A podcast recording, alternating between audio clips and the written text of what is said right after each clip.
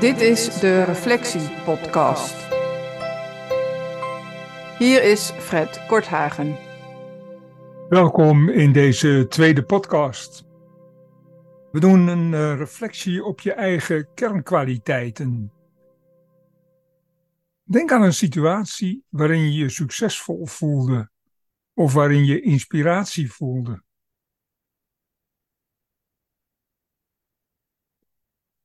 Heb je zo'n situatie? En dan nodig ik je uit om stil te staan bij drie kernkwaliteiten die je in die situatie hebt ingezet. Bij kernkwaliteiten kun je denken aan positieve persoonlijke eigenschappen.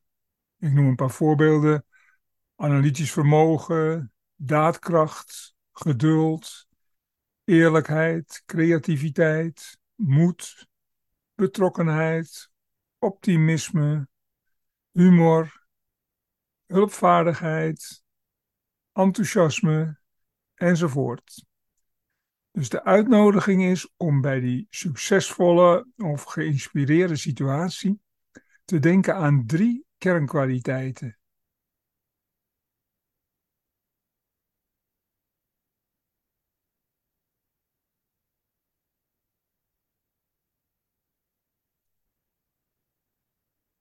Als je er nog geen drie hebt, maar wel één of twee, dan kun je nu ook verder. De vraag is, hoe vaak zet je die kernkwaliteiten eigenlijk in? Hoe vaak doe je dat eigenlijk bewust? Zou je je kernkwaliteiten vaker kunnen benutten dan je nu doet? In wat voor situaties?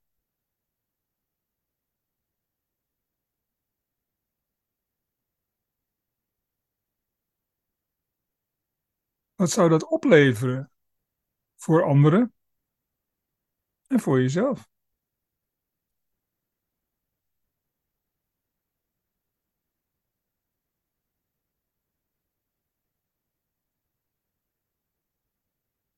Tot zover deze oefening, reflectie op je eigen kernkwaliteiten. Wat zegt de theorie hierover? Kernkwaliteiten zijn positieve persoonlijke eigenschappen die kenmerkend zijn voor een persoon. Zulke eigenschappen zijn deels erfelijk bepaald, maar worden in meer of mindere mate gestimuleerd door je opvoeding en door onderwijs. De ene persoon is bijvoorbeeld goed in doelgericht werken, een ander is creatief en weer een ander is zorgzaam. Zulke kernkwaliteiten bepalen de kwaliteit van iemands werk.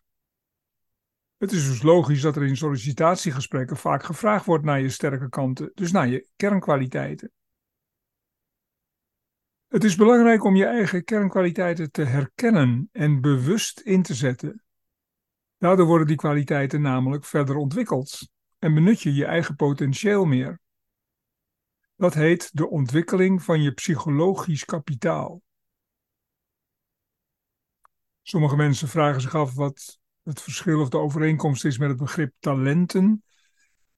We beschouwen een talent als een zeer sterk aanwezige kernkwaliteit die erg opvalt bij een persoon. De literatuur zegt dat een talent ook meestal verder ontwikkeld is door intensief oefenen. Denk bijvoorbeeld aan een muzikaal talent of een voetbaltalent. Dat is altijd een combinatie van een aanwezige kernkwaliteit met ook heel veel oefenen. Bedankt voor het luisteren. Dit was een aflevering van de Reflectie Podcast. Meer informatie vind je op korthagen.nl.